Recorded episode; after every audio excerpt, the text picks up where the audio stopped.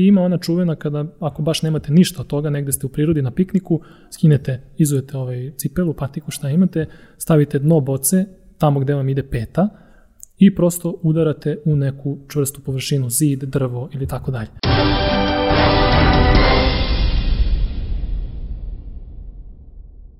Dobrodošli nazad u Žiška podcast. Danas pričamo o vinu. Ispostavlja se da posle 8000 godina vinske kulture i dalje postoji nešto što može da se kaže o vinu. Tako bar tvrdi Aleksandar koji vodi Instagram profil Dnevna doza vina. Sa njim ćemo pričati danas o vinu u našoj kulturi, ali pričat ćemo i o sadržaju koji može da se pravi o vinu. Kao i uvek, pratite nas na YouTube-u ili na svim audio platformama koje imaju podcaste. Da, dobro ste čuli, Spotify konačno radi. Prvo pitanje je, zašto se zoveš dnevna doza vina? Pa zapravo priča je veoma interesantna i, i zanimljiva jer od e, samog početka imao sam taj problem da definišem kako će se zvati stranica i kako će se zvati, jel tako, uh, prosto sve to čime ću se ja baviti. A od samog starta ideja bila da idem u smeru edukacije. I to je trajalo, mogu slobodno da kažem, već par godina da sam razmišljao o tome da počnem nešto, da pokrenem i puno sam vremena gubio na to kako će se stranica zapravo zvati. I onda je došao jedan trenutak kada je moja supruga koja igra bitnu ulogu u celoj priči, dosta se iznervirala i rekla, ajde čoveče stavi neko ime i da krenemo konačno ovaj, sa tom stranicom. I rekla je, ajde recimo da stavimo dnevno doza vina. I ja sam rekao, pa zvuči ok za početak, možda mi je malo rogobatno ako ga poredimo sa onim silnim stranicama dnevna doza recimo prosečnog srbende ili tako dalje. Ovaj, ali rekli smo, ajde da krenemo tako pa ćemo videti. Evo danas, tri i po godine kasnije i dalje smo dnevna doza vina i nekako je to ime u potpunosti zaživelo i ljudi sada to prepoznaju i potpuno je uh, sada već i relevantno razmišljati o promjeni imena. Tako da eto, dnevna doza vina se rodila iz prosto neke želje da se konačno krene u realizaciju, da se ne gubi vreme na uh, eto, razmišljanje o nekom savršenstvu. Ja mislim da ti supruga dala odličan savet i mi smo ga u stvari poslušali kad smo pravili ovaj podcast. Ovaj podcast se na početku zvao Storage Time a, zato što je bio sniman u našem magazinu na engleskom storage, a storage zvuči kao story, I onda je to sto... užasna fora. Ja sam bio protiv toga. Ovaj, Miloš i ostali su me nadglasali. I onda posle jednu godinu dana svi su ga znali kao Žiška podcast koji iz nekog razloga ima neke kutije tu i kao ovaj, na kraju se ispostavilo da, su, da smo se jednostavno svugde rebrandirali kao Žiška podcast i kao da, tako kako nas ljudi zovu, ćemo i mi sebe da zovemo, nećemo pravimo novu, novu priču. Ali kako se u stvari počeo sa, ovaj, sa dnevnom dozom vina, odnosno ti nisi planirao da budeš neki veliki somelijer? Baš tako, baš tako i priča je vrlo interesantna od, ajde da kažemo tako, nekog dobrog đaka, završio sam u profesionalnom sportu, a onda iz profesionalnog sporta ekspresno u svetu vina. Uh, igrom Prednji slučaja, ukršteni ili šta? Ne, pošto sam bio golman, uh, znate ono čuvenu priču, ovaj, ti nisi futbaler, ti si golman. Uh, imao sam malu povredicu leđa koja se vukla nekoliko godina i onda sam prosto shvatio da neću moći da izvučem maksimum od svog tela, što je zapravo neophodno u profesionalnom sportu i odlučio sam jednostavno da polako privedem karijeru kraju, a to se baš negde poklopilo sa tim momentom kada sam ja uplivao u vinski svet, što se desilo sasvim slučajno, kao što sam napomenuo. E, počeo sam da radim neka oglasna rešenja, da freelansujem faktički za, za jednu od ovde lokalnih vodećih vinarija i to je krenulo u dobrom smeru, tako da se moja saradnja sa njima u narednim godinama onako proširivala i dobio sam sve neke ozbiljnije zadatke, počevši od toga da e, eto, učestvujem u kreiranju nekog vizualnog identiteta do vođenja društvenih mreža, a onda i kasnije možda i omiljeni deo posla koji, koji obavljam jeste uh, organizacija i putovanje na internacionalne sajmove gde predstavljam vina, tražim distributere, uvoznike i zapravo je to bio presudni moment gde sam ja onako totalno i potpunosti ušao u, u vinsku priču, u vinski svet. Uh, to mi je omogućilo da proputujem e, brojne, brojne e, države, da posetim razne prestižne sajmove, počevši od Azije pa sve do drugog kraja sveta, e, New Yorka, Kalifornije i tako dalje. I zapravo je kroz ceo taj proces moja ljubav prema vinima sve više i više rasla, a samim tim i želja da što više prodrem u suštinu i da možda glavni motiv od samog starta je bio taj da ja mogu da definišem zašto mi se neko vino sviđa ili ne sviđa, e, da li je neko vino dobro ili nije, a ne da stalno moram da slušam neke stručnjake ili kvazi stručnjake. Tako da, e, to je bio jedan od glavnih motiva i prosto moram to da kažem, evo odmah na samom početku, čim zakoračite u svet vina, ovaj, vrlo lako ćete se zaraziti i neće biti teško da idete sve dalje i dalje. Ali, nisi sasvim odgovorio na pitanje. Ovaj, to jeste odgovor na pitanje zašto si se zaljubio u vinu. Međutim, a, ostaje i pitanje zašto si osetio potrebu da budeš kreator o vinu, odnosno zašto si kreirao Instagram stranicu i realno potrebno je dosta truda da izbaciš sav sadržaj koji ti izbacuješ. Zašto jednostavno nisi bio ono, mogo si sve to što si malo preopisao da radiš bez toga da si napravio Instagram stranicu koja to prati? Hvala ti što si mi pomogao da se, da se vratim u kolosek. Uh, od uvek sam uh, imao želju od tih samih početaka da, da prenesem sve to što sam naučio, jer primetio sam vremenom da onako sedi, sedimo jednostavno neko društvo, dođu prijatelji i sve više se nekako pokretala ta tema vina. I ajde da objasnim jednu stvar, drugu stvar i počeo sam da dobijam sve te neke pozitivne komentare u smislu da mi dobro ide da prenesem znanje i da to radim na jedan pitak, razumljiv način, da ne koristim neke uh, rogobatne termine, previše stručne i uh, kako je vreme prolazilo i sama saradnja sa vinarijom uh, mi je omogućila da držim određene edukativne radionice i prosto sam tu pronašao sebe. Video sam odličnu energiju i uh, video sam da ljudi prepoznaju i da im prija način na koji ja prezentujem sve te stvari, a ima ih zaista puno u svetu vina, uh, prosto je sve otišlo u tom smeru da i kada je počela dnevna doza vina sa nekim zanimljivim sadržajem, tako da kažem, fokusirali smo se i na neke prvo interesantne fotografije, zanimljive vinske priče, a kasnije zapravo, zapravo završili kao jedan ozbiljan edukativni to je završio sam kao ozbiljan edukativni e, portal. Dakle, ideja je bila od samog starta demistifikovati temu vina, pojednostaviti je i inspirisati ljude da, pruže vinima šansu, ovaj, da prosto uđu u vinski svet. I eto neka moja želja da imam prosto neku platformu gde mogu u potpunosti da e, izrazim sebe i da na neki svoj način interpretiram celu vinsku priču. A, da li ja mogu onda da pobrojim, znači šta je strategija, biznis strategija da nema doze vina? Sa jedne strane, imaš know-how o samim vinima, sa druge strane a, držiš uživo radionice ljudima kada nije pandemija, pretpostavljam da sada ne. Ove, ovaj, I pored toga imaš online kurs koji takođe ljudima omogućava da a, nauče više o vinima. A, I onda iz svega toga kreiraš sadržaj koji ide, ispravim opet, prvenstveno na Instagram, manje na Facebook, razmišljao si o TikToku i YouTubeu, tu sam primetio da si nešto radio, ali to je otprilike onako kako izgleda tvoja biznis strategija, je li tako?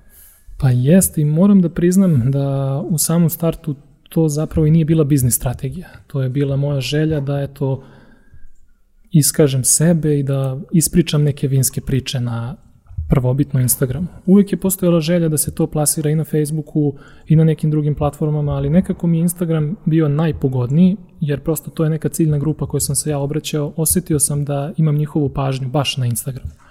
I kao što sam i rekao, to je sve krenulo kao neka vrsta hobija i kako je vreme prolazilo, evo sada je već 3,5 godine, prilagođavao sam svoj sadržaj i nekako sve više i više definisao tu ciljnu grupu, zapravo kome se ja u stvari obraćam. Krenuo sam onako dosta široko, što kad se kaže pucao sam rafalno, međutim vremenom sam zapravo shvatio da ona osoba koju ja želim da se obratim je recimo neka Katarina koja je onako nesigurna kada su vina u pitanju, ali baš voli da popije čašu vina kada izađe u restoran, ali se onako snebiva na koji način da je poruči, da li je ispravno izgovorila uh, ime te sorte, uh, da li je možda nešto pogrešno uradila ili rekla i tako dalje. Dakle, želeo sam da svim onim ljudima kojima je vino interesantno i zanimljivo, a imaju tu početnu barijeru koja je česta, da prosto E, demistifikujem sve te stvari i da uđemo malo uh, dublje u celu priču. I sad kasnije kako se to razvijelo, nisam imao ideju od samog starta da držim radionice, predavanja i tako dalje, ali ta ideja je vremenom onako sve više i više jačala jer je sve veći broj ljudi zapravo želeo još. Uspeo sam da ih namamim ovaj, u taj svet vina kroz neke zanimljive objave, e, malo drugčiji način i neki drugačiji pristup celoj vinskoj priči. I onda počela je ideja o tome, o, tako da kažem, uh, fizičkim radionicama, odnosno prosto da organizujem neke male škole vina ili neku vinsku akademiju ili neke radionice. Međutim, desilo se sve ovo što se desilo, već smo, pa boga mi, godinu, skoro godinu i po dana u ovoj priči, pa se onda nekako nametnulo da pokušam i sa nekim online formatom. Tada se rodila ideja za kurs i onda se i sam kurs kasnije dosta, dosta razvijao. On je, eto, danas postao faktički neka online škola vina. Mhm. -huh. Ove, I sad, pošto ti je, uh, mislim, ja ću pretpostaviti da je jedan od razloga zašto ti Instagram mnogo bolje radi je čisto algoritam. U smislu, danas je daleko lakše da napraviš organsku Instagram stranicu nego organsku Facebook stranicu, kao no, jednostavno mnogo više riče dobijaš. I taj deo mi je ovaj, um, ovaj donekle jasan. Ono što mi je interesantno u toj strategiji je a, kako ti ide prevlačenje ljudi na sajt sa Instagrama, s obzirom da to dosta teško ide? Pa, opet si mi pomogao i hvala ti. Definitivno je ideja bila ta da u početku ta stranica organski raste, da doprem do što većeg broja ljudi, jer zapravo u samom startu je to bio hobi i želja mi je bila da eto i testiram sebe, koliko ja mogu zanimljiv sadržaj da kreiram, a da privučem što veći broj ljudi da, da zaprate dnevno dozovine, je tako? I shvatio sam, kao što si rekao, da je Facebook onako već dobro, dobro istrušen, da je taj neki uh, organski rič, prosto moram tako da se izrazim, dakle neki organski doseg bio i suviše i suviše mali. Uh, Instagram je nekako došao tu kao, što bi se reklo, kec na desetku, tako da mi je bio idealan da, da plasiram uh, sve to što zapravo znam o vinima, ali i samo prilagođavanje Instagrama i možda kraduckanje od nekih drugih platformi e, doprinalo je celoj toj mojoj priči da, da prosto pronađem model na koji mogu najbolje da se izrazim i ja lično, a i naravno sve te zanimljive teme i faktički pitanja koja zapravo hoću da obradim i da na njih odgovorim kroz, kroz sadržaj. Jedna od stvari koje je tu isto uh, bitno napomenuti uh, jeste da uh, ja od samog starta nisam bio javno prisutan kao ličnost koja kreira sadržaj, već je to, boga mi, pa možda skoro godinu i po blizu dve, bilo potpuno anonimno gde su ljudi mislili da to verovatno radi neka agencija uh, ili neki tim ljudi. Čak sam ja u nekim trenucima uh, tako i pisao u, u nekoj množini, pripremili smo za vas objavu ili pripremili smo za vas zanimljivu temu, pa su eto ljudi nekako to uh, logično ishvatili baš na pravi način.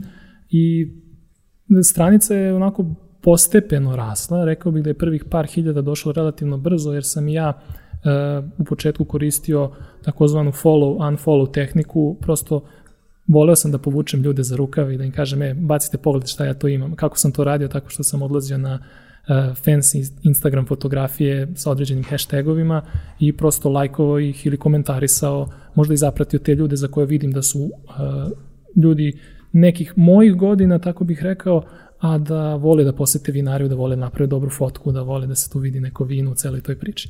I to je tako nežno, ajde tako da kažem, nežno i stidljivo ovaj, uh, išlo. Rekao bih da je najveći vremenski period bilo potrebno doći do tih famoznih 10.000 pratilaca na Instagramu, to je ta cifra kada vi zapravo dobijate onaj swipe up na storiju uh, i taj proces je trajao prilično dugo, verovatno više od godinu, možda skoro godinu i po dana i tek kada sam došao do 10.000 zapravo sam shvatio da je neophodno da se pojavim na stranici i da me ljudi bolje upoznaju. I upravo sa tih 10k takozvanih je negde krenuo malo ozbiljniji rast. Jer su onda ljudi se mnogo lakše poistovetili sa celom pričom kada to ide iz nekog ličnog ugla i naravno bitna cela stvar u rastu te stranice jeste što su i neki tako reći influenceri, odnosno Instagram profili koje prati veliki broj ljudi, zavolili način na koji ja komuniciram vinsku priču i prosto me tako podelili, mm -hmm. podržali i jednostavno na taj način se sve brže i brže širi priča o dnevnoj dozi vina. Tako da osetio sam i dalje osjećam da je Instagram definitivno uh, mesto broj jedan za mene i za ovaj sadržaj koji ja plasiram, ali svakako imam želju da uh, to malo tako reći razvodnim u slučaju da se Instagramu nešto dogodi, uh, pa negujem eto pomalo i tu Facebook stranicu, čak i neki LinkedIn profil. Pitanje malo sam skrenuo sa teme, ali pitanje kako ide prevlačenje ljudi sa Instagrama na sajt, mogu reći dosta dobro, jer jedan od, uh, vjerojatno ćemo o tome i pričati kasnije, jedan od uh, glavnih sadržaja na mom profilu u poslednje vreme zapravo jesu karusel objave, koje funkcionišu po određenom principu gde ja kroz određeni broj slajdova ljude zainteresujem za određenu temu, podgrejem atmosferu, onda im u 4-5 slajdova objasnim ceo taj celu tu temu koju sam zapravo pokrenuo i onda na poslednjem slajdu ih zovem na neku akciju. I najčešće kod mene upravo ta akcija da ih pozovem da posete moj sajt, moju landing stranicu i da se prijave za online školu vina. Ali to je jako interesantno zato što ti trošiš jako puno vremena da napraviš pet slajdova u karuselu i neko bi ti rekao, ali zašto zakopavaš call to action tek na petom slajdu? Kao, zašto ovaj treba da svajpuje pet puta? I meni su uh, taj long copy uh, ovaj, mi je jako za, zabavan zbog toga što ja znam, to jest ja pretpostavljam i uvek tvrdim, a dosta je teško to dokazati kroz brojke, da je mnogo bolje da pričaš sa onima koji su zaista dovoljno zainteresovani da prevrte pet uh, slajdova i da onda kada imaš te zainteresovane i oni dođu na kraju, oni će najvjerojatnije da odu zaista da se iscimaju, a ako ljudima samo dođeš i ono, paf, Tipa, sećam se jedne tvoje objave je zašto imam, zašto ostaju crveno, zašto ostaje crveno na Jest. zubima. I sad recimo možeš da objasniš kao ostaje ti crveno na zubima jer i pljas odgovor odmah na prvom slajdu i kao dobro, to nikog neće privući, to nije storytelling, nećeš onda ništa postići time, je li tako? Baš tako. Generalno ideja iza tog long kopija i generalno karusel objava koje funkcionišu po tom nekom AIDA principu koji je generalno prilično popularan na Instagramu prethodnih 12 do 18 meseci, ja bih rekao, jeste da taj zapravo prvi slajd u celoj priči treba da e, onako kroz jedan životni naslov ili neko životno pitanje ljude zaintrigira, aha, sada će pričati o tome zašto će mi zubi biti obojeni uh, kada pijem crvena ili crna vina, kako ih neko zove, uh, da bih onda u narednih slajd ili dva prosto još malo podgreo temu i u narednih 4-5 ja njima zapravo dao odgovor na pitanje, odnosno rešio im problem. Dakle, prvo ću im objasniti zašto se to dešava, zašto se nekim ljudima dešava više, a nekima manje i na kraju kako to mogu da izbegnu kroz neke zanimljive uh, savete. I naravno, kada ih provučeš kroz taj uh, mini uh, levak, je tako, mini funnel, onda na kraju na poslednjem slajdu je mnogo lakše od tog čoveka kome si već dao vrednost i pružio si mu neku, neko zadovoljstvo, dakle otkrio je nešto novo, da ga zamoliš, e, hej, baci pogled na moju landing stranicu, možda ti moja online škola vina bude interesantna ili hej, napiši mi u komentarima da li ti se ovo nekada desilo, sa kojim vinom i tako dalje. Tako da prosto taj proces nekako uh, zbliži ljude sa mnom, sa mojim sadržajem i na kraju je mnogo lakše tražiti faktički nešto od njih, odnosno zamoliti ih da, da, da naprave neki korak. Da, ali tu moramo da se vratimo i na krucijalnu stvar koju si uh, rekao ovaj, da si promenio, a to je počeo si da se pojavljaš lično. To je ogroman problem za brendove ovaj, generalno, zbog toga što ti si neki proizvod, neki sok, neki, neka banka koja je veoma abstraktna ili tako nešto. I sad na društvenim medijima ljudi su navikli da gledaju druge ljude. I u trenutku kada se pojaviš ti glavom i bradicom, ovaj, uh, onda je ljudima, onda ljudi su kao daleko skloniji da pričaju, daleko su skloniji da ti oproste ako nešto ovaj, nije na savršenom nivou. Znači, ljudi će, recimo, ono, čoveku homo sapiens oprostiti recimo lošu fotku, na primjer. A kao na, za brand će biti šta, kako ste ovo objavili, sram vas bilo, na primjer. A čak će možda ta fotka koja nije preupeglana imati i dobar efekt zbog toga što će odskočiti iz Instagram feeda. Definitivno. To, to si fenomenalno objasnio, to je nešto što sam ja primetio u praksi i to je možda jedan od glavnih motiva koji sam imao da se ja pojavim na stranici. Shvatio sam da e, preterano peglanje određenih objava, dakle preterano lickanje e, ili preterano lickanje fotografija, da je to nekako možda počelo i da smeta ljudima. Dakle, žele malo e, prisniju, življu, ovaj, nesavršenu atmosferu na profilu i to je za mene odigralo veoma bitnu ulogu. Tada je stranica mm, mnogo više počela da raste, su ljudi zapravo shvatili, aha, to je tamo neki lik, neki Aleksandar koji deli neke svoje zanimljive priče, demistifikuje određene teme, e, odgovara na pitanja na neki onako narodski način, ne koristi neke čudne profile, dakle, e, jedna od glavnih stvari kada su vina u pitanju je to što ponekad to ne ponekad, nego često, zapravo ljudi ovaj, smatruju da je to onako malo snobovski hobi ili da to je nekako, nije za njih, e, nije to za mene, kao ja ću da pijem pivce. Ovaj, međutim, priča je zapravo zaista drugačija. E, postoji taj jedan mali krug ljudi koji voli da drži e, do tog nivoa i da, da zapravo ima tu intenciju da, da napravi da to sve izgleda tako snobovski, teško, teško dostupno, međutim mnogo veći broj ljudi vinima pristupa na totalno drugačiji način, opušteno, otkriva uh, sve te zanimljive stvari sveta vina, to mi smo spomenuli zašto vina boje zube, a mali ih je milion i zapravo ja na tome i gradim svoj sadržaj i stranicu, da otvaram sva ta neka pitanja koja vi svakodnevno možete da sretnete. Recimo, neke od najzanimljivijih tema su bile uh, kako to vino može da bude suvo gde se zapravo priča o tome koliko slast ima vino. E, ali ja sam tu napravio jedan zanimljiv e, vizual gde, gde sam napravio kao da neki pesak upada u čašu i ta objava je bila onako jedna od, pa mislim da i dan danas naj, naj sejvovanija. Dakle, najviše ljudi je sačuvalo tu objavu i najviše puta podelje na nekim, da kažem, na, ili na njihovim storijama ili drugim ljudima. I postoje brojne takve teme. Zašto postoji rupa na dnu boce? Ovaj, mi smo, i onda kažu ljudi, mi smo čuli da što je veća rupa, to je vino kvalitetnije. Uh, ili um, neki, ja sam ovo isto čuo, moram priznati. Da, ili se, na primjer, jave neki ljudi koji rade u servisu, u ugostiteljstvu, dakle kao konobar ili somiljeri, pa kažu, uh, da, teško somiljeri, ali najčešće konobari, i onda kažu, ovaj, nama su objasnili da ta rupa zapravo služi da ja u nju stavim palac kada sipam vino. Ovaj, i... što, što sa jedne strane zvuči pametno, a sa yes. druge strane baš nema smisla, jer kao nekako ti visi sve vreme. Ima smisla, može to da se radi, ali to su sve neke tako teme koje iz određenog ugla mogu da deluju škakivo uh, i tabu, dakle da ljudi nekako ma ne mogu ja time da se bavim, jednostavnije naručim ovaj 0.3 ili 0.5 točeno i ne razmišljam o tome. Međutim, kada se svim tim, aj tako da kažem, problematičnim temama pristupi na neki zanimljiv način i onda im se to onako narodski opušteno objasni, e pa to ti služi, recimo ta rupa, to je još od davnina, kada su se vina, kada su se stakla faktički boce e, duvale ručno, e, prosto služilo je to udubljenje da može boca da stoji, jel tako, na, na ravnoj površini, da se ne bi preturila i tako dalje.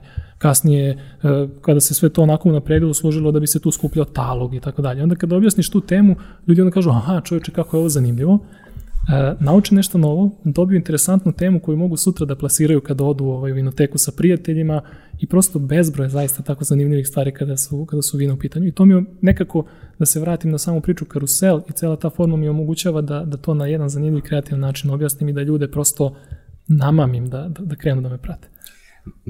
Ovaj, kada sam pripremao ovaj podcast, dve stvari su mi ovaj, u stvari najinteresantnije. Sa jedne strane, to je ceo taj tvoj pristup stranici i kao digitalna strategija, ali ti si sad načao jednu drugu stvar koja mi je bila jako interesantna, a to je vino postoji koliko hiljada godina u kulturi i onda došao neki Aleksandar i u fazonu, sad ću ja da ispričam nešto novo o tome. Sada si pogodio jednu bolnu tačku moje ličnosti sa kojom sam se borio pa možda godinu dana pre nego što sam uopšte krenuo da pravim sadržaj, jer mi kao ljudi imamo tendenciju da sumnjamo u sebe. A, pa šta ja sada da kažem o vinu kad je već sve ispričano, postoji toliko profila, a, u stvari ne postoji zapravo toliko profila, ali puno ličnosti koji se bavi time, šta ja tu mogu novo da dam, šta ja tu mogu novu, koju novu priču ja mogu da ispričam. A, I zapravo shvatio sam da a, je to jedna velika barijera koju mnogi ljudi imaju, Ja sam je prebrodio na taj način što sam zapravo dnevnu dozu vina u nekoj meri video i kao neki izlazak iz zone komfora i jedan poligon gde ću ja da testiram e, sebe, gde želim da ja pronađem taj novi, zanimljiviji način, pristupačniji, e, da prosto zainteresujem ljude. I možda i najbitnija cela najbitnija stvar u celoj priči jeste i ta autentičnost koju smo spominjali. E, kada se ti pojaviš likom i delom, mnogo je ljudima lakše da se poistovete sa tim i da faktički niko ne može da ispriča te vinske priče na način na koji mogu ja. Možda neko može bolje, možda neko može zanimljivije, ali niko ne može to da uradi kao ja. I sa druge strane, postoji mnogo zanimljivih vinskih priča koje sam ja lično prošao na tom putu dok sam učio o vinima. I ljudima je mnogo lakše kada autor sadržaja, u ovom slučaju predavač, ja, a, kaže a, imao sam veliki problem na početku, recimo, najčešći problem je da raspoznam razliku između vinima. Kako jedno vino miriše ovako, drugo onako i tako dalje. I onda oni kažu aha, i onda očekuju da im ja ponudim neko svoje iskustvo i rešenje kako sam ja stigao do toga. Mnogo je dobro to, to prvo lice i meni je puno pomoglo i veoma, veoma značajno u celoj priči uh, jeste taj, taj lični moment. A što se samog vina tiče i njegove evolucije kroz vreme, uh, to jednostavno ne prestaje. Iz dana u dan sve više novih vinarija, sve više novih naučnih saznanja, novih tehnika, novih načina proizvodnje. I vi sada imate jednu od glavnih tema u vinskom svetu e, gde se vinari, naravno postoji zlatna sredina, ali postoje vinari koji se dele onako na tradicionaliste i na konvencionalne vinare, dakle vinare koji koriste sva moguća naučna saznanja da proizvedu što bolje vino. Koja je razlika? Tradicionalisti E, koriste i tu priču, malo i marketinški, da se vraćaju korenima. Kažu, aha, kako se vino proizvodilo pre 3, 4, 5, 8 hiljada godina, bez ikakvih dodataka, bez... E, kad kažem dodataka, to su sve enološka sredstva pri, na prirodnoj bazi, ali prosto oni žele da uberu grožđe, strpaju ga u neki sud i od njega naprave vino. Dakle, da, da ga što manje, jel tako, čačkaju od samog vinograda do boce. Dok imate konvencionalne vinare sa druge strane, koji upravo tu evoluciju uh, vina, tehnologije i svih mogućih naučnih saznanja koriste da uh, naprave najbolje moguće vino. I često se u vinskim krugovima čuje priča da, ali konvencionalna vina su sva slična. Uh, liče jedno na drugo. Međutim, to zaista nije istina. To je gotovo nemoguće napraviti. Jedna od zanimljivih stvari koju često čujem od pametnih ljudi u vinskom svetu, vi da želite, ne možete napraviti dva ista vina.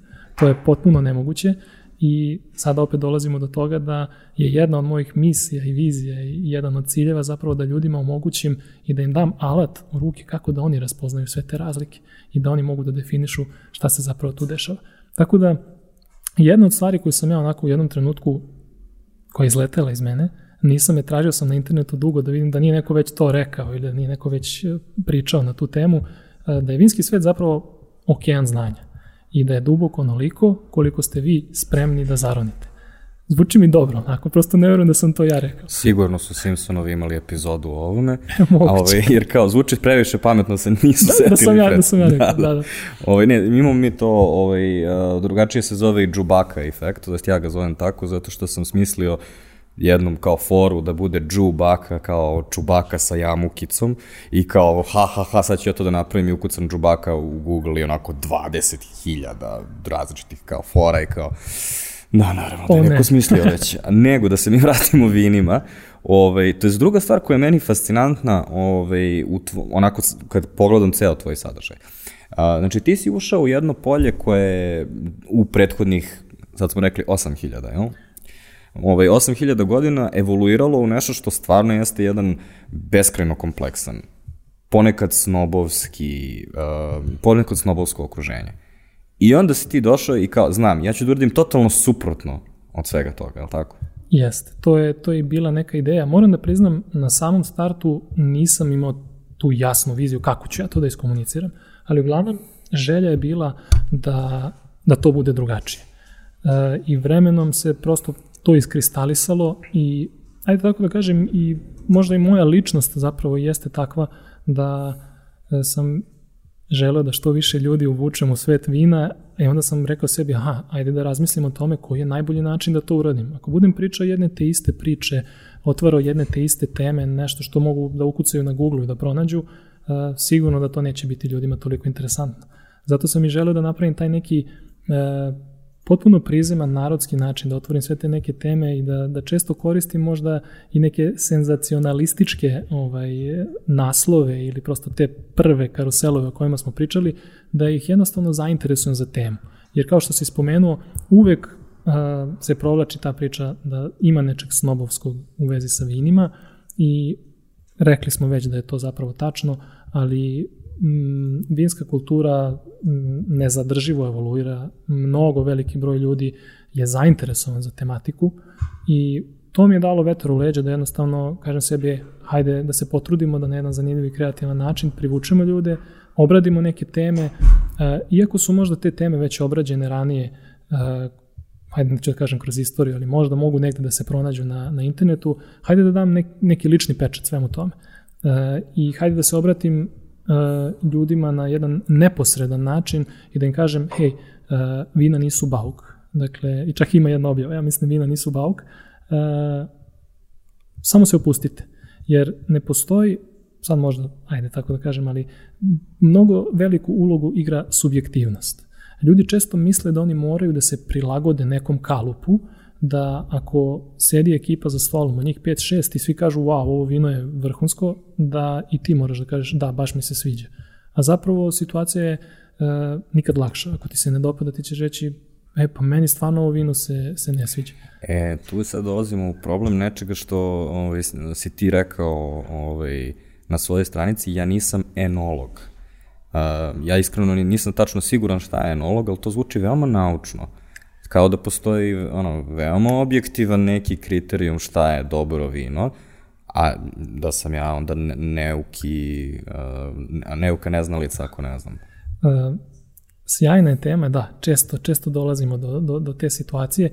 Enolozi su zapravo ljudi koji uh, ceo svoj život posvećuju tome da ajde tako reći, proizvedu što je moguće bolje vino. Dakle, jedan enolog mora da bude potkovan i što se tiče samog vinograda, ali rekao bih da je ključno polje njegovog delovanja vinarija, odnosno podrum, da napravi što je moguće bolje vino od one sirovine koju mu, odnosno od grožđa koje mu donesu vinogradari. Ali u modernom vinarstvu enolog igra veliku, veliku ulogu. Dakle, on je i u vinogradu i u vinariji, dakle, možda bih rekao jedna, jedan x faktor, dakle, presudna osoba i često može da se priča o tome da određeni enolozi neguju određeni stil proizvodnje vina i da kroz vino može da se ponekad možda i prepozna koga je napravio. Dakle, ako baš duboko uđemo u tu temu. Sa druge strane, uh, postoji somelijeri, uh, jedna od čestih reči koja se tu spominje, to su jednostavno ljudi koji su uh, se posvetili tome da se iškoluju i da steknu ogromno teoretsko i praktično znanje o vinima, ali ne iz ugla proizvodnje, već iz ugla konzumacije, uparivanja sa hranom, da prosto, to su prosto ljudi koji vama u restoranima treba da pomognu da maksimalno uživate u vinima i hrani. Dakle, da pronađu najbolji spoj, da vam preporuče, izvinjam se, da vam preporuče vino i da, da vas prosto vode kroz taj jedan ugođaj ili jednu večer ili jedan ručak. Uh, da li postoji uh, to što nešto o čemu često pričamo, da li moraš da znaš koje je vino dobro ili nije, da li postoji, uh, kako da kažem, neki vodič kroz to, e, ovo vino je dobro, ovo nije dobro. Uh, može da se priča o kvalitetu vina, postoje određeni parametri, ali zapravo iz ovog ugla gde smo ti i ja, uh, nadam se da, ćemo ući u to kao ljubitelji vina, ne treba uopšte da se opterećujemo time da li mi možemo da procenimo već je mnogo bitni taj prvi aspekt u tim prvim koracima, da li se nama nešto zapravo sviđa ili ne. Jer vi možete piti najskuplje vino, skoro je bila jedna objava, mislim da znaš, koje košta par stotina ili par hiljada mm, određene valute, eura ili dolara, nije ni važno, a da vi jednostavno ne sviđa vam se. I nešto u poslednje vreme često, ti me vrati ako puno skrenem s teme, često volim da pravim paralelu sa automobilskom industrijom, iako nemam neke pretalno velike afinitete, uh, imate situaciju gde uh, recimo određeni gospodin ili određena dama vozi Lamborghini, a nema pojma automobilima. Dakle, jednostavno sviđa se taj auto, može da ga priušti i ona ga vozi. A sa druge strane imate ljude koji uh, znaju sve o Lamborghiniju, ali možda nikada neće moći da ga priušte. I tako je nešto slično u svetu vina. Postoje neka ta skupa vina koja možda nikada nećemo probati, ali ne sprečava nas da, da naučimo puno o njima, da pročitamo sve te zanimljive priče, da saznamo zašto ona koštaju toliko. I sa druge strane, vrlo bitna stvar, opet paralela sa automobilskom industrijom, zašto se ja, na primjer, na stranici ne bavim preporukama, degustacijom, pa da ja ljudima preporučim, e, ovo vam je super vino ili ovo vam je odlično. Upravo iz tog razloga, opet pravim paralelu, možda se meni Lupiću Renault baš, baš sviđa i obožavam da, da ga vozim, za mene je to savršen auto, i ti ćeš doći reći, pa čoveče, šta ti gledaš? Kao ima mnogo boljih i lepših automobila. Tako i sa vinima, dakle, subjektivnost igra veoma, veoma bitnu ulogu. Postoje naravno klase u vinima, kao i u automobilima, ali odveće vas od tačke A do tačke B i vremenom ćete, jel tako, e, biti sposobni da odlučite da li ćete voziti e, Renault, dobar odnos cene kvaliteta, ili ćete biti spremni da za vozilo na četiri točka izdvojite ogromnu sumu novca i kupite neki, ne znam, Mercedes. Ili ćete misliti da je to samo dačija sa lepšom značkom. Upravo to. Izvini, ali namestio si to. se baš, jest, jest. baš, na ovo. baš, baš sam dobar šlagvort Ovaj, za, za da, naredni korak. Ovaj, prebacuju se na teren koji mi je malo poznatiji od vina. Ove, uh, nego, hteo sam da završim, uh, imam tri pitanja velika kao ovaj, za, za vina. Ove, I treće pitanje mi je, uh, ti si rekao kao vinsko, vinska industrija, polje vina, kako god to želimo da nazovemo, tema vina u našoj kulturi se razvija konstantno, sve više ljudi se uključuje. Meni delo je kao da se dešava upravo suprotno, kao da je ceo taj um, životni stil koji je pratio vina je nekako izašao iz mode. A, više nije moderno da se obučemo pre fancy i da srčemo vino na, na gala zabavama, nego svi nosimo one ćebave dukseve i patike i ovaj, milenijalci koji više ne koriste ove plutane čepove, nego se koriste mm -hmm. plastični čepovi.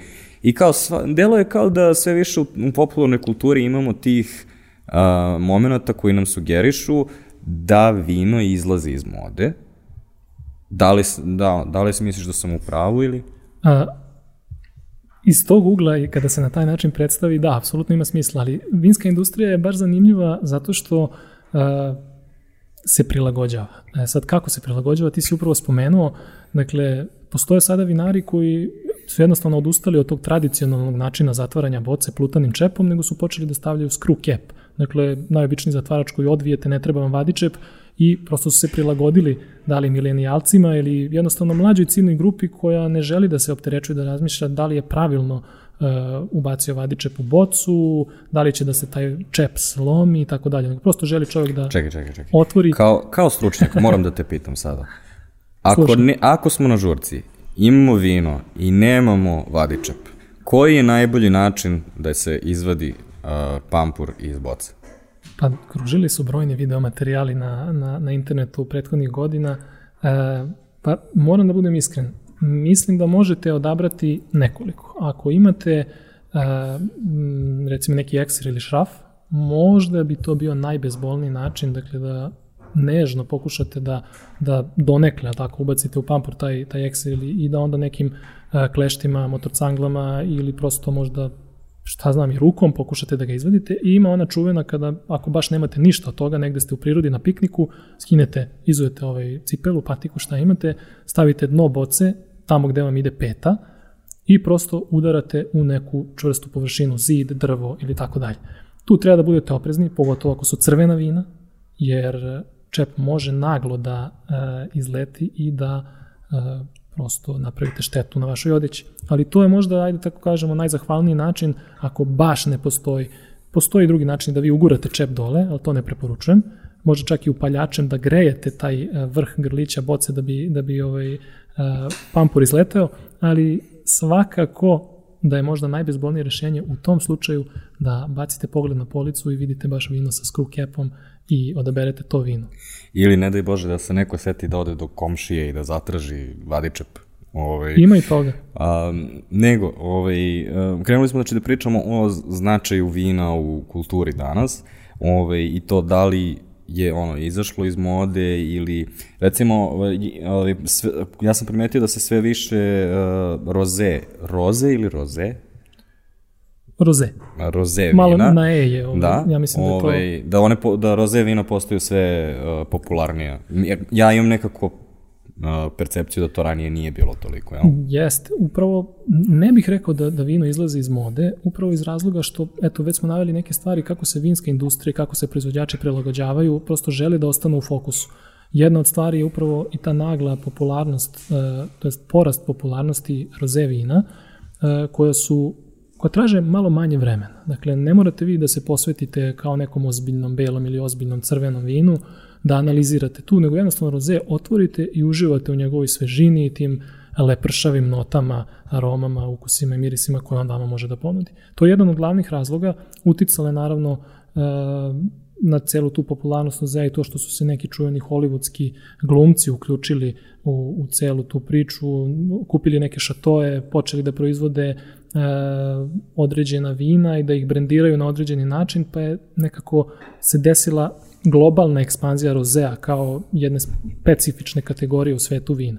S druge strane, još jedan od razloga zbog kojih sam eto ja, zastupnik teorije da vino ne ispada iz mode, jeste uh, upravo činjenica da, da su sve to načini sve ovo što smo spomenuli, da se vinska industrija i vinari, proizvođači prilagode trendovima, da učine svoja vina dostupnim. Jedna zanimljiva situacija koja se primećuje u prethodnih 5 do 10 godina jeste da se stil vina a, generalno menja. Ranije je bila ideja da napravite teška, masivna vina, ozbiljna vina koja traže hranu, prosto da morate, kada sednete da pijete ta vina, da, da onako se fokusirate na to. Šta se sada dešava? Trend u poslednje vreme je da se prave mnogo, mnogo laganija, voćnija, razumljivija, pristupačnija, kako vole englezi da kažu, crowd pleasing vina. Dakle, vina koja 9 od 10 ljudi će da otvori i da kaže, wow, ovo je super. I tu sad dolazimo do one konstatacije da konvencionalni vinari proizvode vina koja sva liče jedno na drugo. Ne, oni su se zapravo prilagodili opštim trendovima gde ljudi nemaju vremena, često danas u restoranu, da mi sedimo sad u restoranu, imamo sat ili dva, možda ne bismo naručili bocu, nego bismo uzeli vino na čašu. To je još jedan od trendova gde je konzumacija vina na čašu u velikom porastu, gde se svi vodeći vinari trude da u ozbiljnim restoranima pozicioniraju svoja vina i na taj način. Dakle, iz mog ugla, ali dobro, možda je to ono malo subjektivno, vino definitivno ne može da ispadne iz mode, jer e, na kom god nivou da završite, da li je to samo eto da sve na vreme popijete čašu vina u restoranu ili zapratite dnevnu dozu vina pa počnete se bavite time ozbiljnije, na kraju završite profesionalne obuke, počnete profesionalno da se bavite vinima, e, svi imaju težnju da idu ka tom nukleusu, ka tom koru koji možda inicijalno ima tu snobovsku, e, tako da kažem, etiketu, ali kada zapravo stvarno vas zainteresuje ta vinska tematika, to je daleko od snobizma. To je prosto kao neka uh, vrsta enciklopedije, uh, ogromnog, ogromne količine informacije i svaka je zanimljiva na svoj način. Tako da, to je primetno i u prethodnim decenijama da definitivno se vinari prilagođavaju i uh, koriste sve moguće načine da svoja vina učine dostupnijim. Imate čuvenu priču, da spomenem sad da ne zaboravim, e, špansko, španska, jedna od španskih vinarija koji su zapravo baš e, pokrenuli neki mladi ljudi, napravila je plavo vino, dakle tirkizne boje. E, to je bio onako potpuni hit, zato što je polarizovao mase. Tradicionalisti, ovi koje bismo možda nazvali snobovima, su rekli katastrofa, totalno negativan stav prema svemu tome, dok ste imali i neke opuštene mlade ljude koji vole da piju koktelčiće i tako da neobavezno živaju vinu, koji su rekli, wow, ovo je sjajno, baš je dobra boja za Instagram, daj da ovo fotkam i da izbacim. E, I to su sve načini na koji se vinska industrija prilagođava. Naravno, na primjer, ja ne bih podržao to plavo vino, probao sam, nisam nešto oduševljen, ali apsolutno razumem priču iza njega. I dokle god uh, se drži ta tenzija, dokle god su ljudi zainteresovani za vina, za te neke novitete, a, mislim da za vina nema zime. A kako je, uh, koji je odnos sa uh, večnim parnjakom vina, odnosno pivom? Zato što ako kad gledam sa strane, deluje mi kao da su putanje suprotne. Mhm. Ranije je pivo bilo ono, imaš bip i jagodinsko, pa biraj. Uh, A sada imaš uh, ono, tri mainstream piva, upper middle segment, uh, strana piva, češka, svako, svako ima svoje češko pivo. Onda imaš pšenično pivo, filtrirano, nefiltrirano, s, uh, hladno filtrirano, uh, cool, light, chill uh, i la, ovi radleri i uh, onda tek dolazimo do kraft piva, onda svako od kraft piva ima šipe, um, ove pšenično opet, pšenična ipa, stautove, la, ovih, um, dimljeno pivo i sad sam već sigurno već i zaboravio gomilu stvari, ali znači došli smo do toga da je i vino, da je i pivo sada postalo ono, nauka i um, kao nekako je otišlo u smeru vina, a vino ti kažeš se nekako pojednostavljuje i pokušava jest, da ode od tog jest. Odlična, odlična paralela, da, i, i potpuno bih se složio sa tobom, recimo, ne poznajem toliko piva, ali volim da, volim da uživam u njima i upravo primećujem i ja taj trend da postoji bezbroj različitih stilova, Slična je situacija u vinskom svetu i možda si to lepo, lepo i rekao, nisam razmišljao iskreno na taj način, ali definitivno izgleda, izgleda tako kao da pivari generalno e, ta pivarska ili pivska industrija ide u tom smeru da uh, vuče ka toj craft priči, ka nekim malim serijama totalno zanimljivih, možda i neponovljivih stilova, dok s druge strane imate vino koje se prilagođava upravo u drugu stranu, dakle da, da malo pojednostavi priču i učini, učini je dostupnijom. Definitivno jedan zanimljiv segment i zanimljiv aspekt, ali jedna od stvari koja se dešava u vinskom svetu jeste upravo ta da postoje, kako mi volimo da ih zovemo, ti neki hipsterski pokreti koji se sve više fokusiraju na takozvana vina sa minimumom intervencije, odnosno o čemu sam pričao na početku. Dakle, ta neka vina koja se proizvode na način kao što se proizvodilo hiljadama godina ranije. E, I ta vina često imaju neke zanimljive, lude etikete, tu se onako vidi uticaj te uh, craft pivske industrije gde imate šarene etikete zanimljive, gde se trudite da prosto vaša etiketa vrišti sa police uh, i da, da pokaže neki svoj karakter. Dakle, toga ima i u svetu vina i deluje mi da uh, je to neka dobra analiza s tvoje strane, vidim da piva poznaješ baš, baš dobro ovaj, na osnovu samog izlaganja, ali generalno mislim da je uh, srž i jedne i druge industrije da su vrlo, vrlo bliske. Dakle, radi se o alkoholnim pićima, s tim da uh, nekako opet zavisi od, vaši, od vas i od vašeg subjektivnog prosto osjećaja koji ćete se industriji prikloniti. Postoje razne, razna preklapanja gde vi ovde kod nas na lokalnom tržištu sada kako broj vinarija raste, e, imate prosto borbu za svakog ljubitelja vina, dakle borbu za svaku bocu i onda tu prosto mogu da se pojavi određeni momenti iz te e, pivske industrije gde se ljudi prosto trude da na svaki mogući način se dodvore ugostiteljima i pozicioniraju svoja vina na njihovoj vinskoj karti. Tako da dosta dobra paralela, dve industrije koje su prilično bliske, ali opet, što ti kažeš, i različite, jer često je to ta polarizacija da li si pivski ili si vinski, ovaj, ili na kraju treći, ovaj, rakijski kod nas. Ali generalno mislim da uh, i jedna i druga industrija će imati veliki izazov da se prilagođavaju u budućnosti, jer nekako kako vreme prolazi primećujem da je mnogo bitan taj healthy lifestyle, da sve više ljudi vodi računa, čak sam slušao i, vaš podcast o tome šta jedu, šta piju, tako da će biti izazov prodati alkoholno piće u budućnosti. I upravo zato mislim da se obe industrije trude da ponude nešto novo, svako u svom smeru. A, ali mislim da će vinima ipak biti lakše.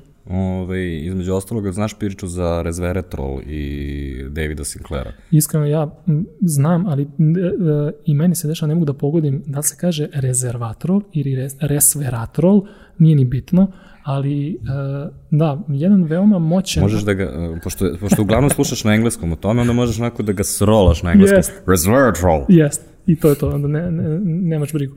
E, rekao bih da je i to jedan od načina da se, da se ovaj, u vinskom svetu ponudi nešto novo, neka nova priča, nešto novo i zanimljivije. E, čitao sam i sva ona bio, ima dosta tekstova prilično opširnih na istraživanja Davida Sinclaira i kako resveratrol utiče na e, podmlađivanje generalno naše ćelije i tako dalje, ali postoje i vinarije širom sveta, čak i kod nas, koje se bave time ozbiljnije, razvijaju se projekti gde je prosto cilj da se tako na prirodan način iz grozda izvuče maksimalan nivo tih antioksidanata koji su veoma, veoma jaki. I e, tu se nadovezuje ona čuvena priča francuskog paradoksa, gde se, ja mislim, 80. godina, nemojte da me držite za reč, e, odradilo istraživanje koje kaže da Francuzi koji uživaju u vinima i hrani, ne prođe maltene obro kada oni nisu popili čašu ili dve vina, imaju duži životni vek od nekih drugih nacija koji možda deluje da se hrane zdravije.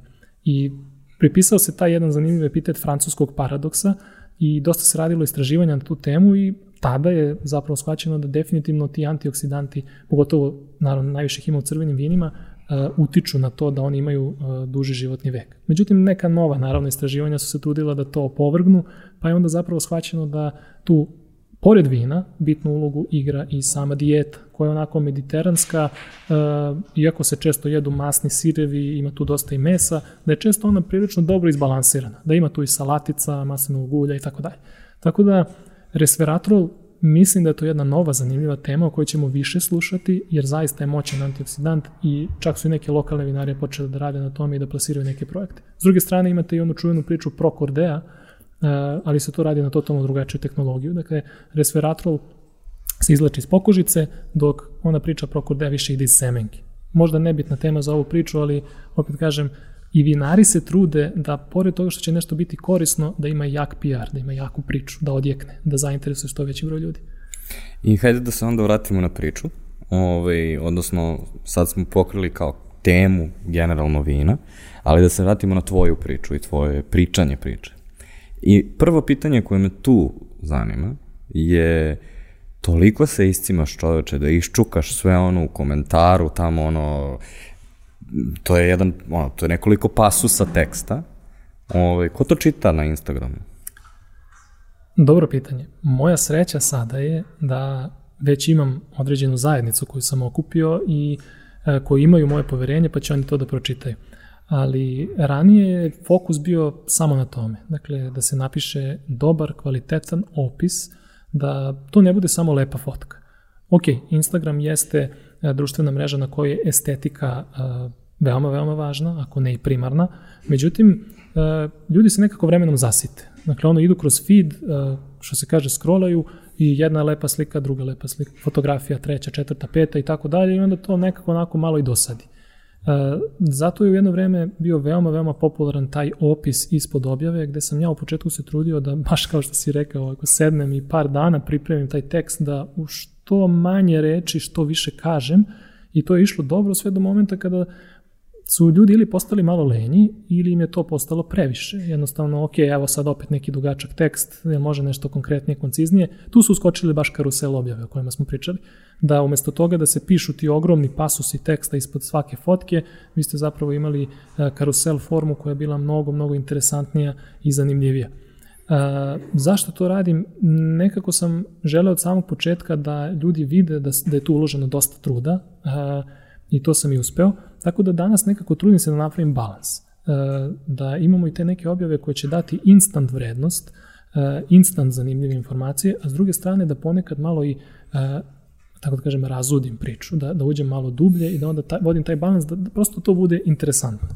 Da, interesantno je što ti, u stvari, ovo što pričaš nije neka tvoja pretpostavka, zato što ti, si, ti imaš postove koji su, recimo, prelep prelep vinograd iz Provence, neka prelepa kućica u šumi i tako dalje.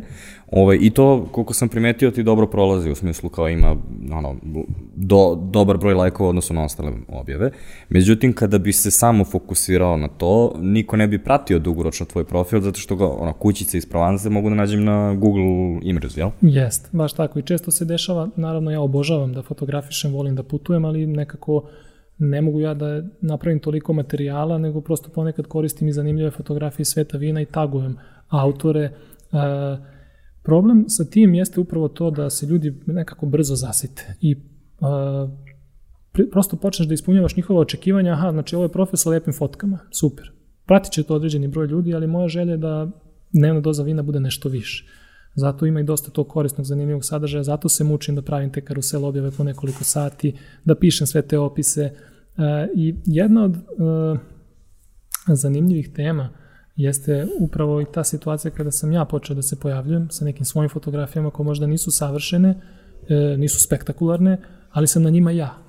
I onda su ljudi, aha, ovo je autor te stranice i sad on priča neku svoju priču, da li je, da li je posetio, ne znam, vinograd u Šumadi, na Fruškoj gori, Negotinskoj krajini ili možda čak na drugom kraju sveta, Kalifornije i tako dalje.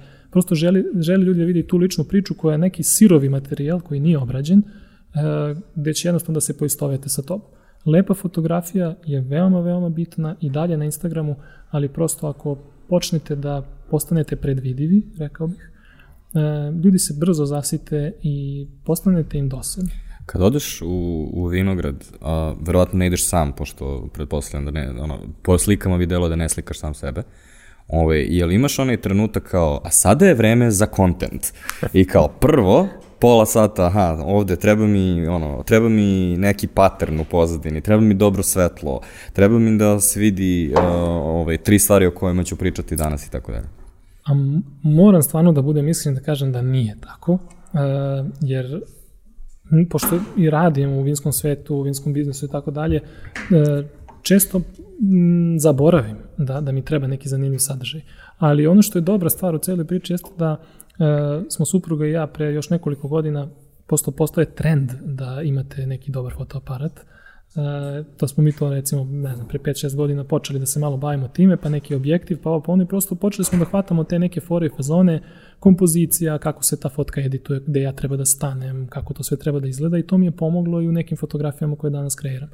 Uh, nemam stvarno ni jednom do sada najiskrenije nisam imao ciljan odlazak uh, na neku destinaciju da bih napravio zanimljive fotke, najiskrenije, ali već dugo razmišljam o tome, jer mislim da uh, uvek može bolje. Dakle, sada to najčešće izgleda tako što ako imam nekoga pored sebe, da li je to neki možda čak i prolaznik ili neko ko eto, došao isto da se fotka kao ja, ja ga zamolim, ajde opali neku fotku.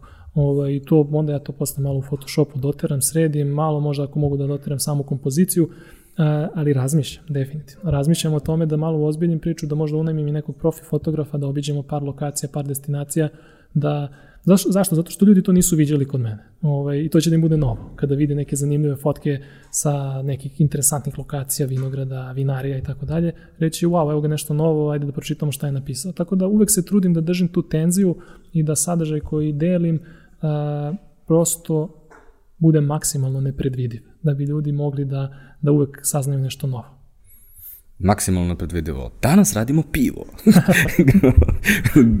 ovaj, šalim se. Um, ovaj, šta najviše radi? Kao, koji sadržaj najviše radi?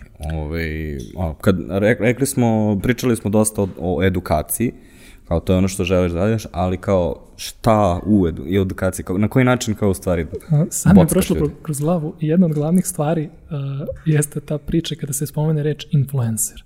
Ovaj, zašto mi je to palo na pamet? Upravo zbog tog sadržaja, pitao si me šta najviše radi. E, generalno mislim da bi neko uopšte postao influencer, da li je to influencer u e, modni ili deli neke zanimljive turističke priče ili u ovom slučaju ja hteo, ne hteo, možda bih i morao da se deklarišem kao influencer, ali opet je to neki uticaj na totalno drugačiji način. Dakle, šta najviše radi? Najviše radi vrednost. E, taj value o kom se puno priča, sad ne mora nužno da znači da ćete vi samo edukovati ljude. Bitno je da im date uh, ponekad možda i neki zanimljiv uh, humorističan sadržaj. Dakle, imam neke objave na profilu gde se ljudima dešava da ispuštaju boce, uh, ne vode računa kako otvaraju penušavo vino pa se desi da im čep, nažalost, malte ne pa istera oko, ali naravno sve su to situacije gde je to izbegnuto, ali deluje zanimljivo.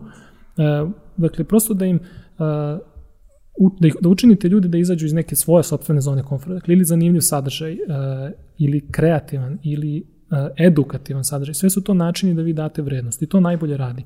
Je sad, i ni ja ne mogu da budem 100% siguran kako će neka objava proći, pa se tako desilo da sam uh, prosto u nedostatku ideja u nekom trenutku sedeo i razmišljao šta je to novo što mogu da plasiram i onda mi sine neka ideja totalno, totalno leva, iako sam bio malo skeptičan, uh, kako se čitaju ili kako se izgovaraju određene sorte.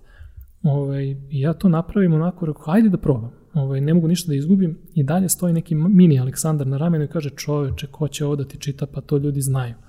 I ja napravim tu objavu, izbacim onako u tri kolone, jedna kako ljudi najčešće, to jest kako se piše ta sorta, ime te sorte na francuskom, e, ili nekom drugom jeziku, u sredini kako ljudi često greše, ovaj, kako izgovaraju i treća kako zapravo treba da se kaže ono povuku. Dakle, nisam išao na neki izgovor francuskog, ne znam, nije, nego povuku. Kada odeš u vinoteku, restoran, e, ovako kažeš. Ta objava je eksplodirala i buknula. Najviše čuvanja, najviše, ne znam, ja, deljenja, najveći broj lajkova i tako dalje. Nije meni cilj u samom startu da ja jurim te lajkove, ali nekako se upravo tako i namesti uh, u realnosti da objave koje ljudima daju najveću vrednost imaju najviše interakcija. I ako je ako bih samo jednu reč koristio da kažem šta najbolje radi, najbolje radi vrednost.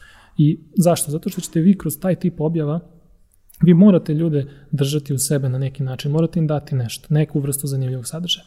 Ja kroz te edukativne objave prosto zaslužio sam njihovo možda poverenje da kada izbacim neku fotku sebe kako držim neku čašu, možda bi neko rekao, glega, ovaj, mislim, šta je ovde zanimljivo, ali napišem neku zanimljivu priču ili podelim sa njima neku anegdotu iz sveta vina dole baš u opisu i opet dobijem ogromno bolj interakcija. Dakle, morate prosto zaslužiti e, pažnju, zaslužiti poverenje, ali uvek je akcenat na tome da dajete neku vrednost ljudima.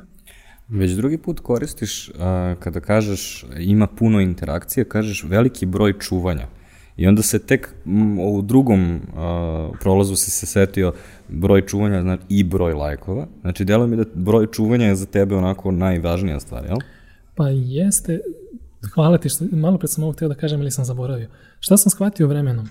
Da kod mene na profilu, a verovatno i na drugim, broj lajkova zapravo uh, ne mora puno da znači. Uh, zašto? Zato što sam nekako uvek u početku vi imate tu tendenciju i težnju da dobijete što veći broj lajkova, tako? Zar nije to poenta društvenih mreža da imaš što više lajkova? Međutim, ne, ja sam shvatio da mnogo ljudi konzumira sadržaj koji ja pravim, ali ne ostavlja footprint, ne ostavlja otisak. Dakle, ako on stavi like, možda, ja to tako zamišljam, onda, aha, znači, meni je bila zanimljiva ova tema gde je on nešto objasnio, to u prevodu znači da ja nisam to znao. I onda ljudi često ne žele da ostave like, komentar i tako dalje, ali ti save-ovi, to znači da je on nešto sačuvao što bi možda voleo da pročita ponovo, ili što bi možda želeo da nekada nekome prosledi, ili nešto što bi voleo da ima u svom džepu sutra, kada ode u vinariju, vinoteku ili restoran, pa da može da izvuče, ode tamo u sačuvan objav, kaže, ha, ovako se kaže, samo da budem siguran.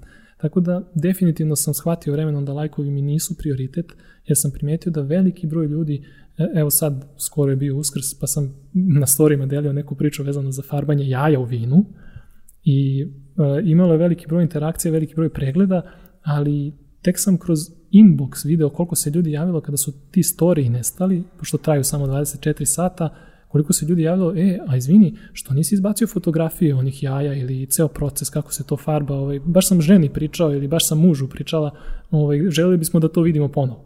Tako da, rekao bih da lajkovi nisu najbitniji faktor i definitivno, to si dobro primetio, ja se ne vodim time, mnogo više volim da vidim da je objava puno puta podeljena ili puno puta sačuvana. To je ono poslednje tamo dugme sa desne strane. To je neka moja zvezda vodilja u kreiranju sadržaja i zato mi nije teško da provedem toliko vremena da sve to napišem, kreiram i, i prosto pakujem na taj feed. Međutim, takođe ni tvoj uh, profil nije, uh, nije izuzet od onih osnovnih stvari koje kao uvek rade, na primer flexing, kao da. najskuplji dekanter, najskuplje vino od koliko yes. hiljada eura, je li tako? Jeste. To jest. ipak dobro prolazi. Apsolutno. E, prosto uh, ne, neki moj senzibilitet i ne, nešto što mene možda definiše kao ličnost je to da često možda znam u nekim stvarima da budem previše skroman, ili previše diskretan. I onda je to neki izlazak iz zone komfora, gde ja sad kažem sebi, e, ajde napravi nešto što će i tebe da iznenadi u fazonu. I onda dolazimo do tih najskupljih, najzanimljivijih, najekskluzivnijih, najtraženijih stvari, jer to često privuče ljude da, da nastave dalje sa čitanjem ili, ili scrollovanjem, odnosno, kako da kažem, svajpovanjem, listanjem te objave,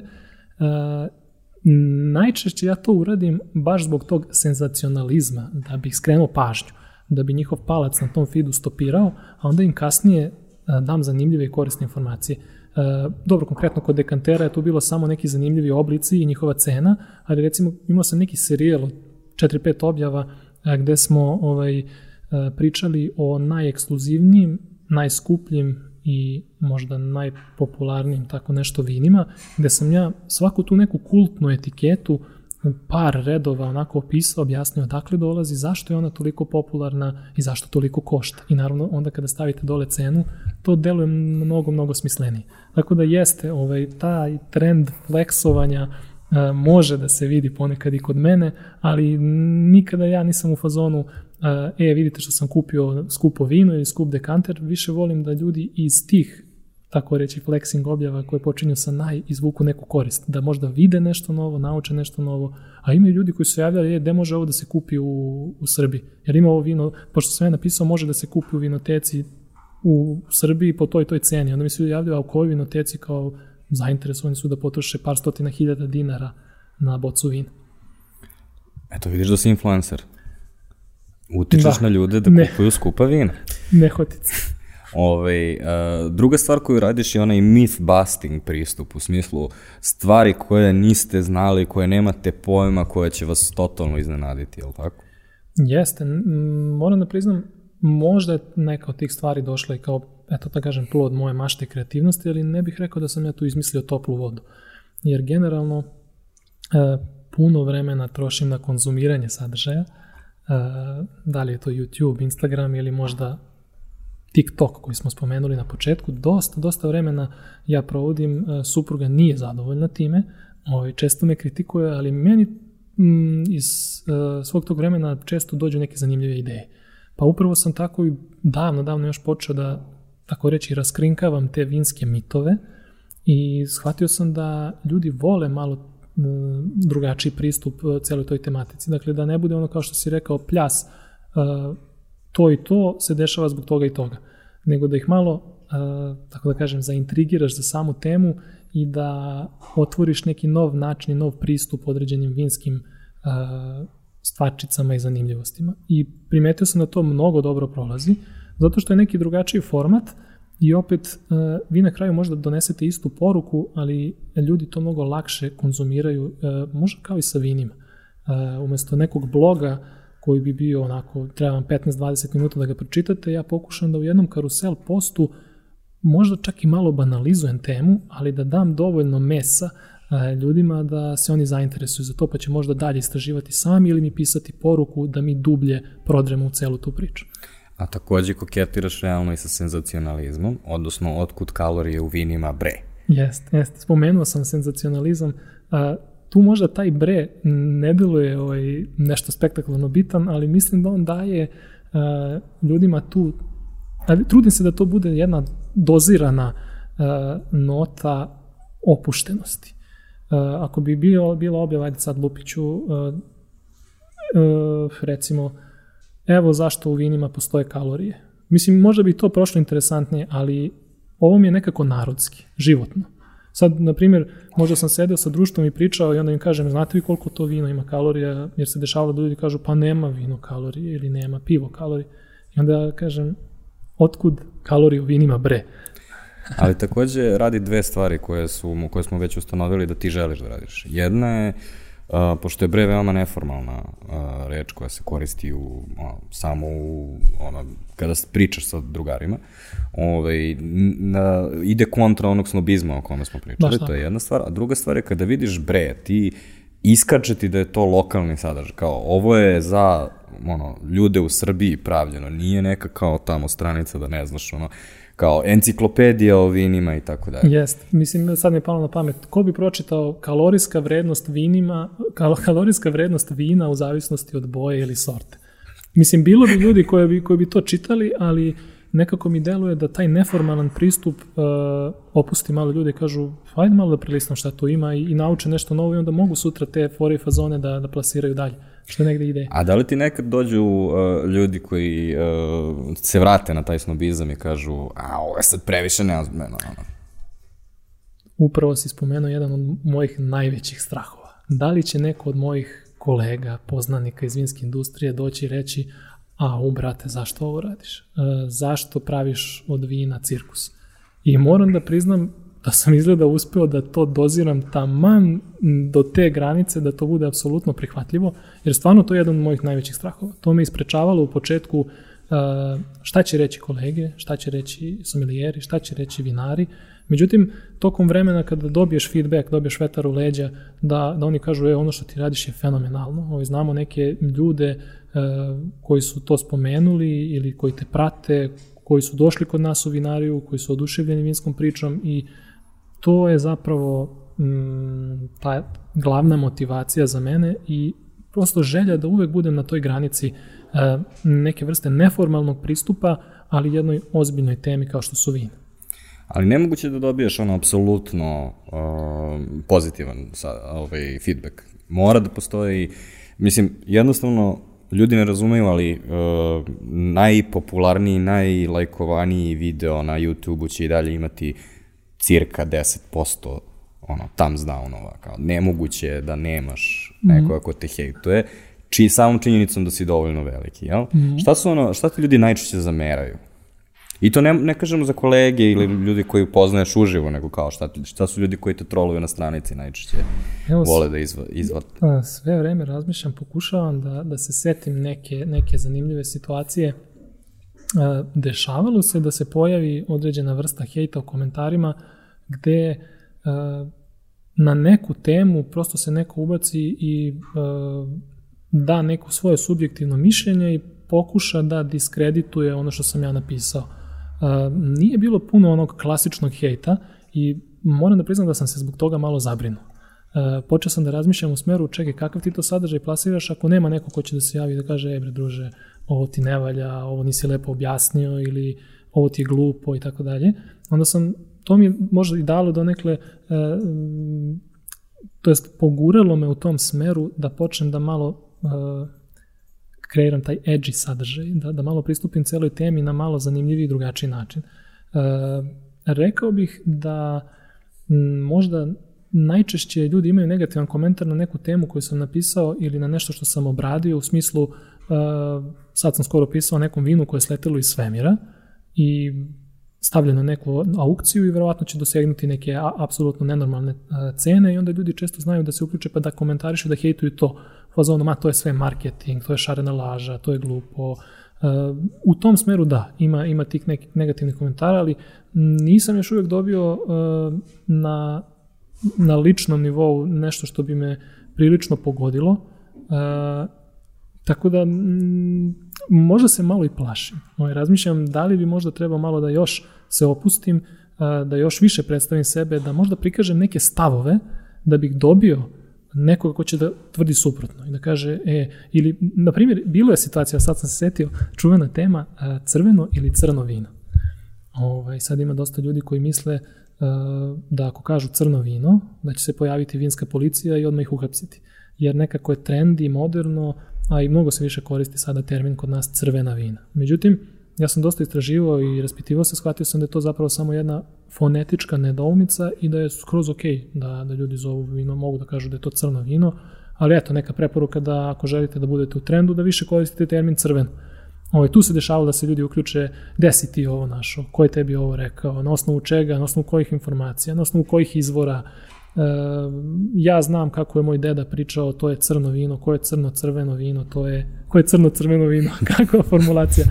Ovaj, e, u fazonu e, svi smo se priklonili za padnjačkim trendovima, mi treba da budemo so, svoji, stari termin je crno vino, moramo to da zadržimo. Da, pojavljivao se neki takav, tako reći, hejt, tako da e, trudit ću se u buduće da možda više iskažem neke stavove i otvorim neke možda škakljivije teme jedna od njih, evo sad opet se setim među vremenu je bilo, e, da li stvarno znate šta je špricer ili da li ste vi zapravo pili špricer. To je ona čuvena priča da li se koristi kisela voda ili e, soda voda. Dakle, špricer je zapravo samo ono gde koristite soda vodu, a mi ovo što pijemo danas na slavama ili kad odemo negde, ovo je razblažimo kiselom, mineralnom, to je zapravo e, gemišt, Tako da sam tu temu otvorio i onda je tu bilo onako ratobornih komentara u fazonu daj bre, šta izmišljaš toplu vodu, sad si ti došao da nam pričaš šta je gemišta, šta špricer, mi pijemo to već godinama. Tako da trudio sam se da, ja, da i ja s vremena vreme plasiram tako neku temu koja će malo izazvati i nekih negativnih reakcija, jer prosto uh, ne iz razloga da to podstakne neki algoritam ili rič, nego da jednostavno osetim da vidim kako ljudi razmišljaju i kako će se nadovezati na neku temu. A sad si se dotakao jedne, ovaj, dotakao se još nečega što je ono generalno pali, a to je taj lokalni sadržaj. Ako uspeš da izvučeš ta, ono, iz lokala priče, ovaj, međutim, problem sa lokalnim sadržajem, ja sam primetio neke postave da ti pokušavaš da predstaviš lokalna vina, neke lokalne trendove i tako dalje. Kao problem je što nema puno tih gemišt vrsa špricer ovaj, bifova, jer da. kao lokal, lokalna scena obično ti ne daje dovoljno mesa da možeš da kreiraš dovoljno sadržaja. A sa druge strane, da, uvek je bolje kad je lokalni sadržaj jer će biti relevantniji ljudima. Tako da, kako kod tebe to trenutno ono radi? Pa, jedna od glavnih stvari koja je mene kopkala u celom tom procesu, uh, ajde da kažemo, to traje dan danas, jeste uh, čest komentar kada sam recimo delio neki poll, odnosno neki upitnik ili anketu, šta biste još od sadržaja volili da vidite na ovoj stranici, e, često se tu provlačila tema e, degustacija vina, preporuke vina, koja vina da kupimo, koje vinarije da posetimo i tako dalje. Jedan od glavnih razloga zbog kojih ja to nisam želeo da delim jeste upravo neki moj lični stav, pošto ima već puno takvih profila koji se bave time, želeo sam da diverzifikujem sebe i svoj sadržaj, a sa druge strane jednostavno smatram da je neka moja misija i moj cilj da ljude edukujem, da im dam sve te alate, da oni sami mogu da određuju šta je to. A što se tiče, i onda se tu često nadovezuje upravo ta priča lokalnog sadržaja. Nismo mi toliko veliko tržište, još uvijek nemamo toliko veliki broj vinarija da tu može da se zapo, započne neka, ovaj, figurativno rečeno, šorka, da ljudi počnu se raspravljaju ko ima bolje vino. Ovaj, Pazi, mnogo mi se dopada šorka kao prevod, ono YouTube drama. YouTube da. šorka. jeste, jeste, tako da još uvijek nismo mi na tom nivou i nekako i dalje postoji određena vrsta poštovanja, ali recimo m, sve te teme a, lokalnih sadržaja su apsolutno, apsolutno dobre i zanimljive i nešto u čemu možda razmišljam da u budućnosti malo više posvetim vremena jeste upravo a, možda nešto na temu vinskog turizma, tih vinskih puteva, a, koje vinarije posetiti i zašto, kako da napravite neku zanimljivu vinsku turu, jer m, ljudi imaju tako da kažem, animozitet prema tome, misle da ako odu u vinariju da oni moraju sve da znaju i da moraju da prosto daju sud za svako vino kojim se posluži, a tu zapravo i nije tako. Vinarije su sada već postale dosta opuštenija mesta gde možete da odete, možda čak i zbog toga što će ispasti dobro fotka za Instagram, da vidite neku lepu arhitekturu, da uživate u nekom lepom pogledu. Dakle, ne mora nužno da znači da odlazak u vinariju treba da bude ne znam ja kakvo iskustvo u smislu da vi tamo morate da pokažete da nešto znate. Tako da mislim da tu imam dosta prostora za taj neki lokalni sadržaj koji definitivno bi prošao mnogo, mnogo bolje. Ono što sam primetio, skoro smo imali ovu popularnu domaću seriju Tajne vinove loze i tu se spominjala neka tamo drevna sorta koje danas nema puno, proizvode samo dve vinarije u Srbiji, Bagrina I ja sam počeo neki serijal na temu uh, poznatih vinskih sorti i šta o njima zapravo vi treba da znate. I onda se, kako je ta serija se pojavila, toliko je stizalo upita i poruka u inbox, pa će nešto o bagrini. A, tako da ljude definitivno zanima. Hoće da saznaju više, hoće da nauče više i ja bih volio da nešto malo više uh, sadržaja kreiram i na tu temu. Pokušat ću. Nemoj da zaboraviš da imamo i, uh, pored vinare, imamo i berbe grožđa, jel? koje obično su na jesen u, u Vojvodini, onako svake nedelje drugi grad, jel?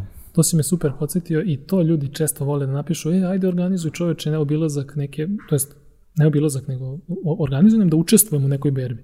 Ovaj, ne treba nikakva, kako se to kaže, nadnica, ne treba, nik, ne treba nikakva nadoknada, samo da mi tu uživamo, da napravimo druženje, možda popijemo neko vince, nešto malo pojedemo, da prosto budemo deo tog rituala.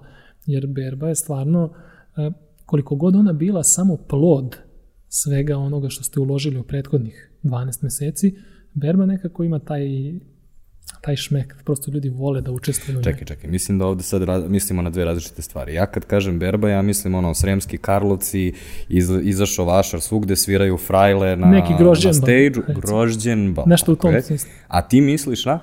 Ja sam više mislio na sam uh, moment berbe u smislu odlaska u vinograd i ubiranja tih plodova, pakovanja u neke gajbice i, je tako, uh, transporta do same vinarije. A što se tiče vinskih festivala, grođembala i svih tih stvari koji se često baš i gađaju sa terminima kad se i bere grožđe, ovaj, mogu ti reći da su sve popularni, što mi je posebno drago, jer, uh, na primjer, pošto sam ja rodom iz Topole, ove oplenačke, uh, tu je... Što je vinogradarski kraj, ili tako? Jeste, jeste. Ovaj, bio je započet neki festival šumadijskih vina i toliko sam bio srećan i toliko mi je bilo drago što sam video neke ljude, e, neka nova lica. Jer vi generalno na tim vinskim sajmovima, salonima, često viđate jedne te iste ljude. A mislim da su ti festivali upravo neki uh, malo neformalni pristup i prosto mogućnost da, da ljudi zakorače u svet vina. Tako da ima ih sve više. Svaka ta regija ili rejon organizuje neki svoj festival ili neki svoj ovaj, sajam i ono što je pozitivno u celoj toj priči jeste da se mi polako vraćamo tim korenima jer mi definitivno, pored svih drugih alkoholnih pića u kojima znamo da uživamo, mi jesmo vinska zemlja. I šta je sledeći korak um, koji preporučuješ svojoj publici? Ono, pošto te prate neko vreme, um, recimo da odu i kod kurs, na kurs kod tebe, ovaj, odu na neki grožđenbal, um, kao, šta su sledeći koraci u vinskoj kulturi koje neko može da napravi? Pa u zavisnosti od toga do kog ste recimo nivoa stigli ili koliko ste daleko odmakli na tom vinskom putu, uvek je jedna od preporuka da eto, pridružite se toj zajednici dnevne doze vina, jer ćete svašta zanimljivo pročitati, čuti, videti i tako dalje. Doći ćete do novih informacija. možda ključna stvar je da se ljudi opuste. Ali shvatio sam da bi se opustili da mi je potrebno samopouzdanje, a znanje često tesno povezano sa znanjem. Ovaj, I uvek postoji ta preporuka, naravno, ovaj, ajde da se ispromoviše malo e, tog nekog mog online kursa koji je sad prerastao tu neku online školu vina, e, prostoje brojni načini da, da saznate više o vinima. Neke edukativne radionice koje organizujem ja, organizuju možda i neki drugi ljudi. Dakle, da prosto nađete neki e, svoj put i da se opustite kada su vina u pitanju, posetite vinske sajmove, salone, festivale. E, ali opet kažem, da bi se ljudi osjećali nekako prijatno, uh, uvek je bitno da imaju tu neku podlogu, taj neki temelj. I to je negde i moja misija, uh, moj cilj je zapravo da im ja to pružim, da li samo kroz sadržaj na mom profilu, ili možda čak i ako upišu nešto od ovih edukacija koje ja nudim, uh, to je definitivno way to go. I ono što sam video u prethodnom periodu i globalno, cela ova situacija je naterala ljude da se prilagođavaju, pa tako i neke mnogo velike vinske entitete u smislu globalnih popularnih magazina koji organizuju uh, online degustacije. Možda to zvuči uh, onako malo nemoguće, ali zapravo je izvodljivo tako što vi dobijete na adresu 5-6 uh, različitih uzoraka vina, uključite se na Zoom i sa nekom malom grupicom uh, prosto imate mogućnost da degustirate i pričate o istom vinu. E, to je nešto što sam ja radio u prethodnom periodu i došlo na veoma pozitivne komentare i mislim da je tu jedna od stvari ključna, to što ostajete u svom domu, u svojoj kući, nekako ste u zoni komfora i u nekoj manjoj grupi se ljudi mnogo više opuste e, i spremni su da postave neka pitanja koje možda ne bi smeli javno u vinoteci, na vinskom salonu i tako dalje. Tako da taj modalitet tih online edukacija i generalna edukacija u manjim grupama je nešto što bih preporučio svima, jer znam po sebi da sam imao tu mogućnost pre 8 godina kada sam ja ulazio ili 9 u vinski svet, uh, ja bih išao na taj način. Da prosto uđem u neku grupicu gde se priča o vinima i gde mi neće biti uh, stid da postavim neko pitanje.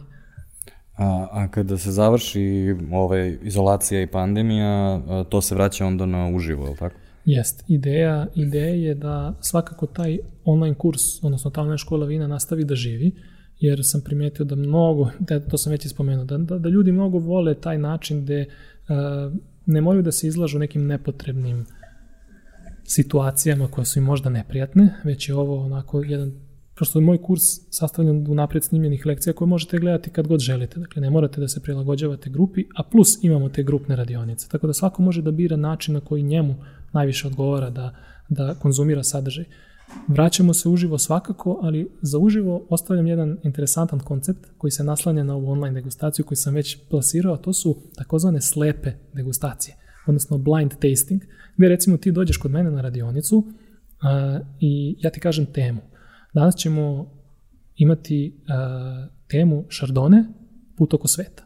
Šta to znači? Ja ću pripremiti vina, 7, 6, 7 različitih vina iz čitavog sveta, ti nećeš znati šta piješ. Dakle, nećeš biti opterećen dalje vino 5 ili 55 ili 505 eura. Polako, ja sam i dalje na tome. Kaže se šardone. Da. Nije da. šardone. Uh, pa, mislim, ja, se sad ispao ono akcent, kao... Ne, ne, ne, akcent, možda sam ja. Znaš foru kao plantaže? E, ima toga. Ne, može, mislim, možda sam ja pogrešno akcentovao. Da li ćete reći, sad zavisi ako idete na francuski naglasak chardonnay ili ja kažem chardonnay. A može mm. i chardonnay.